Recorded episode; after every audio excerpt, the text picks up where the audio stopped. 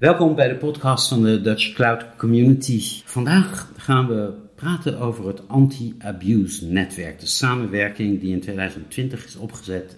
Mijn gast hiervoor is een, een bekende voor heel veel mensen uit deze industrie, Inge Bryan, voormalig spionne. Uh, werkt, voormalig werkzaam bij Deloitte, tegenwoordig bij Fox IT. Inge, uh, niet iedereen kent jou. Welkom bij deze podcast. Um, Dankjewel. Mag ik vragen om te beginnen met uh, jou, jezelf even voor te stellen voor de luisteraars? Dankjewel, leuk om, uh, om hier te zijn. Ik um, ja, ben begonnen bij wat je net al aangaf uh, als, als spion, zeg maar, bij toen nog de BVD, de Binnenlandse Veiligheidsdienst. En dat werd later de AIVD. Daar heb ik 14 jaar ben ik daar in dienst geweest. Ben toen naar de politie overgestapt, naar de opsporing. ben eigenlijk al, nou, al vroeg, ook bij de dienst, ben ik begonnen met, met internet. Letterlijk uh, toen kreeg ik als uitdaging: wat ga je doen? Wat gaat de dienst doen met het internet? Uh, namelijk gebruiken als open bron, gebruiken als ruimte waarop je kan opereren, bewegen onder dekmantel. Hoe ga je om met andere staten die zich daarop bewegen? Dus dat was, uh, daar ben ik eigenlijk mee begonnen zo rond 2000. Dat is alweer meer dan 20 jaar geleden. En daar. En daarna heeft het, ja, het internet mij nooit meer losgelaten. Dus ook later, toen ik naar de opsporing ging, zat ik al heel snel in alle digitale middelen uit de kast trekken. En dat vind ik ook gewoon heel leuk. Ik hou heel erg van grote bakken met data. Uh, GPS vind ik allemaal, het zijn allemaal dingen waar ik erg van heb genoten. Ik heb natuurlijk uh, met veel plezier 20 jaar getapt. En dat genereert natuurlijk enorme bakken met gegevens. En uiteraard met de wet even overeenkomstige wijze vergaren en behandelen en bekijken. Maar ik ben er altijd mee bezig geweest. En ik vind dat uh, machtig mooi. Uh, boeven vangen met technische middelen ja, is het mooiste wat er is. Als ik zo'n beetje kijk naar de wereld zoals die zich ontwikkelt, dan heb ik eigenlijk het gevoel dat het, het internet en het hele cyber, dat dat eigenlijk, uh, dat is eigenlijk het, het gebied waar, waar de oorlogen op dit moment uitgevochten worden. Absoluut waar. Ik ben blij dat je dat zegt, want ik krijg regelmatig, laatst laatst weer was een zo'n bijeenkomst waar iemand zei van de volgende oorlogen uh, worden in cyberspace uitgevochten, denk je, nou dan, dan lig je al uh, ruim 15 jaar te slapen. Ik denk dat sinds het deployment van Stuxnet we wel kunnen spreken van een oorlog online. Nou, dat is dan tussen 2005 en 2007 gebouwd, 2010 bekend geworden. Um, dat is een, gewoon een oorlogsdaad. Dus dat is al lang geleden gebeurd. En de iteraties nadien ja, kan je beschouwen als een soort ja, zeg maar doorgaande oorlog die uh, oh ja, in cyberspace gevoerd wordt. En daar zitten we allemaal in. En Nederland zit er ook in. En het lastige daarin vind ik dat het onttrekt zich een beetje aan de waarneming van zeg maar, het, ja, het brede publiek. En dat komt ook omdat het doorgaans niet een ministerie van Defensie is dat erin zit, maar een inlichtingendienst. En die inlichtingendiensten hebben geen gewoonte om parlementaire toestemming te vragen en uitgebreid te rapporteren over wat ze doen, wat doorgaans militaire organisaties wel doen. Dus de, de aard van de, de wijze waarop de conflicten worden uitgevoerd, maakt ook dat we er minder van horen en zien. En als je niet echt goed in die wereld zit, ja, dan kan je zomaar je ogen ervoor sluiten. Wat helaas natuurlijk ook veel gebeurt, ook bij bestuurders. Gaat er een moment komen dat, uh, dat landen zoals Nederland naast een, een, luchtmacht, een landmacht en een marine ook gewoon een, een soort cyberlegerorganisatie zullen moeten al, hebben? Eigenlijk hebben we dat al. We hebben Defensie Cyber Command. En dat bestaat nu uh, uit mijn hoofd, zal zijn, een jaar of zes, zeven geleden opgericht. En er is sprake van de ontwikkeling van offensieve cybercapaciteiten. En we hebben natuurlijk een zogeheten Joint Second Cyber Unit, het samenwerken van IVD en MIVD, die uiteraard ook een offensieve inlichtingentaak heeft. Of ja, offensief en defensief, dat is een inlichtingenterm misschien lastig te, aan te geven. Maar als je proactief inlichting inwint, dan kan dat door een andere staat gezien worden als een offensieve daad. Ja. En dat vind ik ook het lastige van. Uh, van de hele inlichtingenwereld is, wij meten ons bepaalde rechten aan, die door dat andere land gezien worden als wederrechtelijk. En net zoals een ander land niet op ons grondgebied mag spioneren, mogen wij dat ook niet bij derden, maar dat gebeurt natuurlijk wel. Ja, ik, ik, ik las uh, onlangs iemand van het Pentagon, die had het dan over nou, maar dit is uh, legitimate spionage ja, of, zo, ja, zoiets. Tuurlijk, ja. Mm ja. Ja, ja, dat, iedereen zegt dat voor zichzelf, maar ja, overtreedt daarmee toch de wet van de ander en, en de norm van de ander. Want Kijk, onze wet is natuurlijk, komt voort uit onze, onze waarden en normen en zo door een parlement vastgesteld, want dat is onze wetgever. En in andere landen gelden weer andere normen en waarden. Dus ook andere werkwijzen. En er zijn operaties, uh, nou, nou, neem bijvoorbeeld um, SolarWinds. SolarWinds vind ik een prachtig uh, recent voorbeeld. Dat is, uh, zeg maar de van SolarWinds die heeft plaatsgevonden vorig jaar. Dat is een zeg maar deeply embedded of in een vroeg stadium van de software uh, development cycle ingebed soort homing device door de Russen. Toen ik dat hoorde, dacht ik: wauw, dat is een knappe operatie. En als je kijkt naar wat is er nou nodig om zoiets te bouwen en in te bedden in een bedrijf als SolarWinds, zoals het heeft plaatsgevonden, daar zijn nou, zeker duizend mensen bij betrokken geweest. Over een periode van minimaal 1, 2 jaar, denk ik. Dus het is een omvangrijke inlichtingoperatie geweest. Dat, is, dat doe je niet even zomaar. En zo vindt dat plaats. En dat is nu een Russische operatie, maar uiteraard doen andere landen dit ook. Stuxnet is ook het resultaat van precies zo'n geplande, langdurige, omvangrijke operatie. Onderdeel van meerdere operaties. Zulke dingen staan nooit op zich. Als er SolarWinds is, we hebben dat nu gezien, kan je erop rekenen dat er nog twintig zijn. Alleen deze hebben we gezien. Ja, ik maak me altijd wel een beetje zorgen over. Want als ik kijk naar bijvoorbeeld onze infrastructuur, weet je, de, manier waarop. Uh, nou, ik roep maar wat, de elektriciteitsnetwerken, het spoornetwerken, de waternetwerken. Dat draait nog voor een groot deel op software die geschreven is, nog voordat er een internet was, weet je. Uh, waar security nog helemaal niet een issue was, omdat het allemaal standalone was, weet je. En ik, ik denk soms, we zijn, als er echt een probleem is, zijn we best wel kwetsbaar. Uiteraard zijn we kwetsbaar, maar ik denk um, dat daar het beste wapen daartegen is samenwerken, informatie delen. En dat zijn we denk ik nu op heel veel fronten ook aan het doen. En het feit dat we achter dingen komen en dingen inzichtelijk maken. En dat zelfs in de anglo-saxische wereld zoveel informatie wordt gedeeld over SolarWinds. Dat is redelijk nieuw. En normaal gesproken schuiven ze daar alles onder de mat. En nu wordt het breed uitgemeten. Ik denk dat dat uh, absoluut minst is van de overheid naar de private sector. Dus naar, naar Deloitte en nu naar, naar Fox. Ja.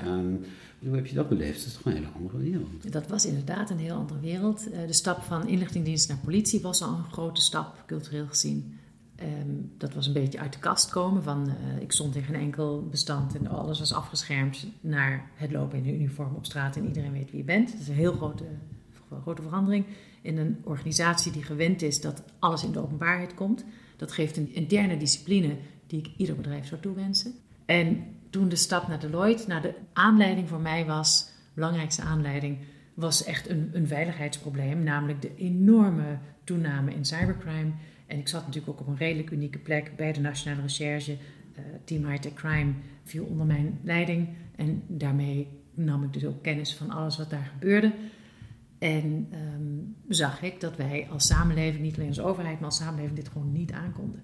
En uh, misschien nu iets beter, maar toen vond ik zeker niet aankonden. En dat ook de positie van opsporing in het hele bestel niet meer niet was wat die zou moeten zijn, namelijk een ultimum remedium. Je moet kunnen bogen op een vorm van handhaving. Dus handhaving van hoe hosten wij überhaupt? Hè? Dus dat vind ik voor de hostingsector een ontzettend belangrijk vraagstuk. Hoe zorg je dat je je sector schoon is en dat, je, dat er natuurlijke incentives zitten om misbruik van de sector eruit te duwen. En uh, ik merkte dat uh, er altijd naar de politie werd gekeken voor het oplossen van een probleem rond cybercrime, terwijl dat voor mij een heel breed maatschappelijk en economisch probleem is. En ik vond letterlijk, had letterlijk het gevoel te dweilen met de kraan open. En had het verlangen om veiligheid te gaan bouwen. In een manier waarop we samenwerken en in, letterlijk in netwerken van bedrijven. En er zijn natuurlijk ook heel veel positieve dingen. Ik vond het heel mooi dat uh, Nederland al in 2003 een, eh, een, een banken-ISEC had. Dus Wim Afkamp uh, is daarmee aan de slag gaan. Hartstikke goed. Dus heel mooi dat er mensen zoals hij zijn die echt met een lange duur zich inzetten voor informatiedeling, zodat de sector veiliger wordt. En, dus dat, dat gebeurde al op een aantal terreinen, maar niet in de buurt van genoeg. En dat was voor mij echt de aanleiding om de overheid te verlaten en in de private sector me bezig te gaan houden met het brengen van die kennis. Van weten jullie wel wat er daar gebeurt? Wat heel vaak niet het geval is. En twee, wat moet je er dan aan doen? En ik merk nog steeds in mijn werk vandaag, ik ben eerst naar Deloitte gegaan en um, daar zit natuurlijk een hartstikke mooi cybersecurity team. En um, ik wilde eigenlijk heel graag voor een organisatie werken die alleen maar met security bezig is. Net als ik zelf. En, um, en dat heb ik bij Fox gevonden. Dus ik ben ook heel blij uh, dat ik daar nu ben. Het voelt ook uh, als thuiskomen. Ook als, met Fox als onderdeel van een bredere Britse groep, van meer dan 2000 man. Je kan zo gek niet bedenken aan expertise of het zit daar. En daar geniet ik enorm van. En we kunnen daar ook, we kunnen dat met elkaar uitwisselen. En ehm, ja, ik, ik vind dat heel gaaf. En er is een hoop te doen. er zijn natuurlijk, ehm, we, we moeten constant werken aan de innovatie van ons eigen dienstenportfolio. Ehm, meer kennis opbouwen van hoe zit het nou in elkaar in een bankaire sector, in een publieke sector, in een, noem maar, transport- en logistiek sector. Dus er, zijn, er is nog een wereld te winnen. En denk ik als werkgever, ik, ik zie dat ik zou het liefst in de hele IT-sector meer security kennis willen zien. En tegelijkertijd zou ik ook in de hele wereld meer basic IT-hygiëne willen zien. Gewoon betere IT, uh, meer transparantie en ook gewoon goed werkgeverschap. Ik denk dat we als IT-sector en zeker als security sector ook een betere werkgever kunnen zijn voor vrouwen, voor mensen die niet uh, blanke Nederlanders zijn. Wat is je uiteindelijke doel? De wereld veilig maken. dat, ja. Even... We beginnen bij Nederland, zeg ik eerlijk. Ja, Europa moet ik misschien zeggen. Ja. Nou, laten we beginnen bij Nederland. We, In 2020, 14 januari 2020, Valentijnsdag, hebben we de eerste bijeenkomst gehad van de, wat daarna het anti-abuse netwerk is geworden. Toen heet het nog de Valentijnsdag Coalitie. Ja. Um, kun je eens vertellen, waarom was dat nodig? Nou ja, jij en ik en Octavia, wij met z'n drieën daar helemaal in het begin over gehad. Ik geloof toen al, uh, volgens mij was het uh, oktober en Wido, in 2019, oktober, november al met elkaar over gesproken. Het begon eigenlijk met het idee, laten we nou eens bij elkaar brengen wat we allemaal doen in initiatieven in, in het, het ons internet veiliger maken. En uh, het leuke is dat wij kennen elkaar natuurlijk al van verschillende dingen. Je komt elkaar tegen bij verschillende, bij van alles. En waar kennen we elkaar dan uiteindelijk van? Nou ja, van die scene van mensen die iets doen om het internet veiliger te maken en beter in kwaliteit. En uh, het bij elkaar brengen van al die initiatieven, dat was eigenlijk het initiële doel. En als al pratende kwamen er al snel op van ja, maar als we dan met al die mensen bij elkaar zitten, dan is dat wel een buitenkantje. Ja, dan wil ik eigenlijk ook wel dat we een ambitie hebben. Dat we ook een agenda hebben samen. En dat hebben we. En dat deel was eigenlijk veel makkelijker dan ik van tevoren dacht. Want we begonnen met letterlijk van tien tot vier bij elkaar zitten. Ehm, en op een vrijdag, op Valentijnsdag in Amsterdam. En, en het uh, was verrassend wie er allemaal kwam. Hè? Dat, dat iedereen, iedereen, zei ja. Iedereen zei ja. Iedereen zei ja. En dat was wel heel bijzonder. Want we hebben denk ik de uitnodiging zes weken van tevoren of zo gestuurd. Iedereen zei ja. We zaten dan met dertig partijen. Met um, nou, ISP Connect, uh, eh, DHPA, uh, DINL, um, CDN...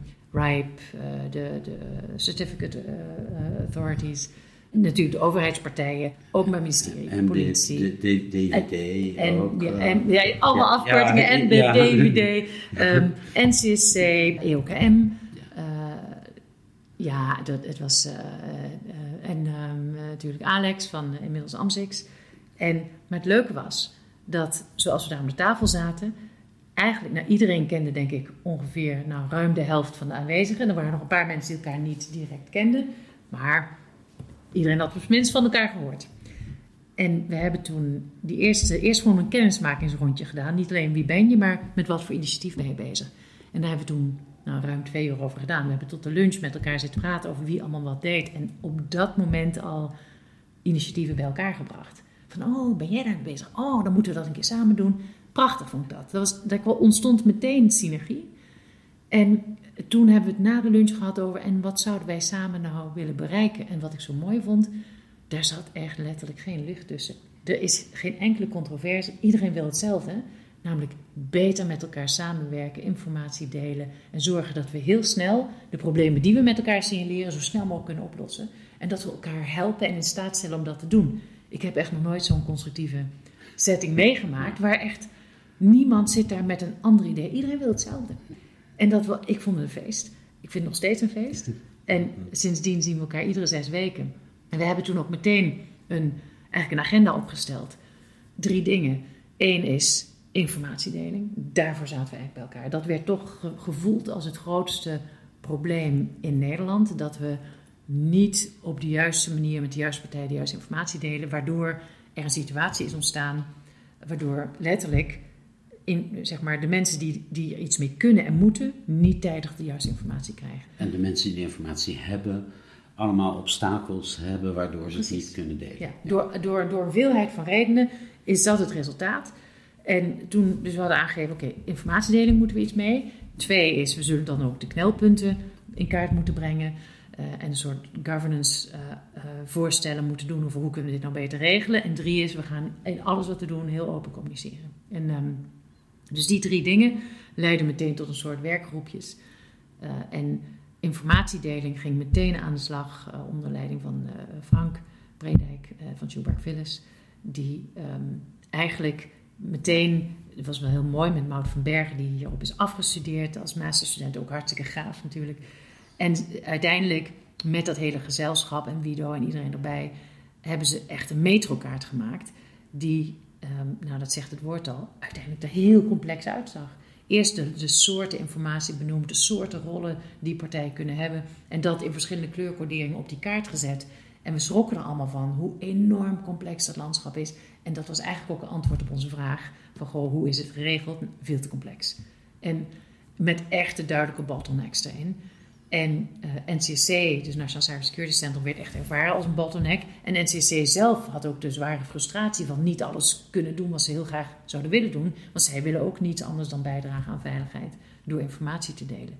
En zagen zich beperkt door een aantal echte ja, vervelende uh, hindernissen, waaronder eigenlijk de interpretatie van de wet op verschillende fronten. Dus, um, dus ik vond het ook heel fijn dat die overheidspartijen steeds aanwezig zijn geweest en steeds hun medewerking getoond.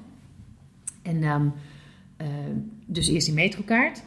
Vervolgens, toen die metrokaart zichtbaar werd, gaan werken aan een knelpuntenanalyse. Waar gaat het dan fout? Zo specifiek mogelijk. En het fijne was, we hadden al tegen elkaar gezegd van nou, we willen niet gaan vingerwijzen en mensen in een hoekje. We willen het zo feitelijk mogelijk. En dat, dat kostte ook geen moeite. Dat was ook echt gewoon heel feitelijk. Hier en hier en hier zien we het fout gaan. Dat hebben we ook gepubliceerd. En we hebben ook ons manifest gepubliceerd. Wie zijn we, wat willen. En er komt op, uh, op jouw, uh, uh, iets waar we het eerder over hebben gehad, van ja, en wat, wat willen we dan met het anti-abuse netwerk? Eén is, we willen erover willen zorgen dat er een systeem tot stand komt in Nederland waarin het vanzelfsprekend is om informatie te delen, acuut te delen, zodat het terechtkomt bij iemand die een netwerk beheert, die zo'n netwerk kan hoeden voor de ellende die zijn kant op komt. Zo snel mogelijk, zodat we ook niet alleen uh, bij zo'n uh, zo'n Microsoft-incident zoals recent, dat er een lijst komt van er zijn 1800 systemen geïnfecteerd, maar dat we ook heel snel erachteraan kunnen zeggen, en nu zijn ze allemaal opgelost. Nu is en dat, dat is uiteindelijk wel gebeurd. Citrix Affair was eigenlijk de aanleiding. Toen zaten we bij elkaar, zagen we dat de informatiedeling voor geen meter liep. En nu zijn we weer een eind verder en zien we, oké, we hebben wel stappen erin gezet. Het landschap is veranderd. Het, het landschap is veranderd, het begint te stromen, we weten elkaar heel goed te vinden. En wat ook is veranderd, we hebben, waar we natuurlijk ook naar hebben gekeken als onderdeel van de knelpuntenanalyse, kwam al heel snel naar voren de interpretatie van IP-adres als persoonsgegeven. En met name de wijze waarop het ministerie van Justitie en Veiligheid daarmee omgaat. Namelijk toch een heel behoudende, restrictieve kijk daarop. Waar eigenlijk alle private partijen, dus ook niet alleen private, ook de politie, zegt onder deze omstandigheden, met dit doel, moet je dit echt kunnen delen. En zeker als het gaat om bulkinformatie, uh, ja, je kan het wel als een persoonsgegeven kenschetsen, maar als het om een hele bulk kinderporno-informatie gaat, moet je je toch eens serieus afvragen als wetgever of je dan al met de goede dingen bezig bent door te zeggen: nee, sorry, privacy, uh, nee, het is een persoonsgegeven. En sowieso heb je dan op de GDPR heb je ook een legitiem belang om dingen te doen. Inderdaad. Ja, je hebt dan kenbaar belang om het te delen. En um, nu is dat, uh, dat belang, daar mag de overheid zich niet op beroepen, dat hebben we inmiddels uh, ontdekt. Maar het, het, is wel zo dat wij, we zijn natuurlijk diepgaand naar gaan kijken en we hebben nu ook de hele analyse rond. Ik zeg er even bij, allemaal op de, zeg maar in de vrije tijd, uurtjes van ons allemaal. Iedereen doet het om niet, ook de, bij de juristen die dit, uh, die dit op hebben gepakt en daar echt een hele gedegen analyse op hebben geschreven. Onze zienswijze, die we, ik geloof deze week, aanbieden aan het Nationaal Cybersecurity Centrum. En wat ik ook wel weer mooi vind, we hebben dit steeds met elkaar overlegd. Dus ook het NCC en JNV zijn aan de slag gegaan. En die hebben ook intern heel kritisch gekeken naar, hmm, interpreteren we dit wel juist? En die zijn ervan teruggekomen. Dus die zijn nu ook aan het bewegen. En die geven ook aan, die geven ook aan ons terug, dankzij onze, uh, onze interactie en, en onze constante focus hierop, uh, zijn zij ook verder gekomen. Dus we hebben hen ook kunnen helpen. Dus door niet, wat ik eerder zei, vingers te wijzen en mensen in een hoekje te zetten, maar gewoon constructief die dialoog te blijven aangaan, zijn we echt verder gekomen. Als je kijkt naar wat we nu al bereikt hebben, de richtingen waarin we werken, en je, je zou zeggen, ik wil een stip op de horizon zetten, dus van waar we uiteindelijk naartoe gaan, hoe zou dat eruit zien? Ik hoop dat wij eh, zo ongestructureerd en onofficieel blijven als we zijn. Want ik geloof heel erg in de kracht van niet-hierarchische, niet-formele, gedistribueerde netwerken. De aard van het internet is zo en ik zou daar zo dicht mogelijk bij willen blijven. Uh, tegelijkertijd zou ik het wel gaaf vinden. Kijk, als wij nu, we zijn nu net begonnen met het opzetten van een clearinghouse. Octavia, MBIP is daarmee aan de slag gegaan. Eigenlijk staat Misschien kun je uitleggen voor de luisteraars wat wat er, wat er ja, doet. Het, het idee daarvan is dat we eigenlijk de bestaande structuren gebruiken om uh, zo snel mogelijk met elkaar dreigingsinformatie te delen. Dat kan gaan over uh, technische problemen, misconfiguraties. Het kan letterlijk gaan over een signatuur van bepaalde van ransomware, van DDoS. Er zijn verschillende soorten slechtheid, zeg maar, categorieën slechtheid. Er is ook de, de contentkant, dus heb je het over crimineel, dus drugs, terrorisme, kinderpornoachtigen. Maar al die soorten, dus al verschillende categorieën van slechte, slechte zaken op internet, die willen we aan elkaar melden. Maar er moet er wel een punt zijn, een soort distributiekanaal zijn. En dat distributiekanaal, dat hebben we nu opgezet. En dat, zeg, dat klinkt heel eenvoudig misschien, maar dat is toch, daar zit toch wel, komt wel wat meer bij kijken.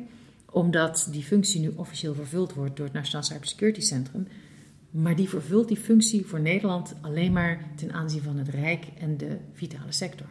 En het gemis wat wij voelden, voelden, voelen, is alle bedrijven hebben deze informatie nodig. Iedereen moet weten, iedere beheerder van een netwerk wil weten wat er op hem afkomt.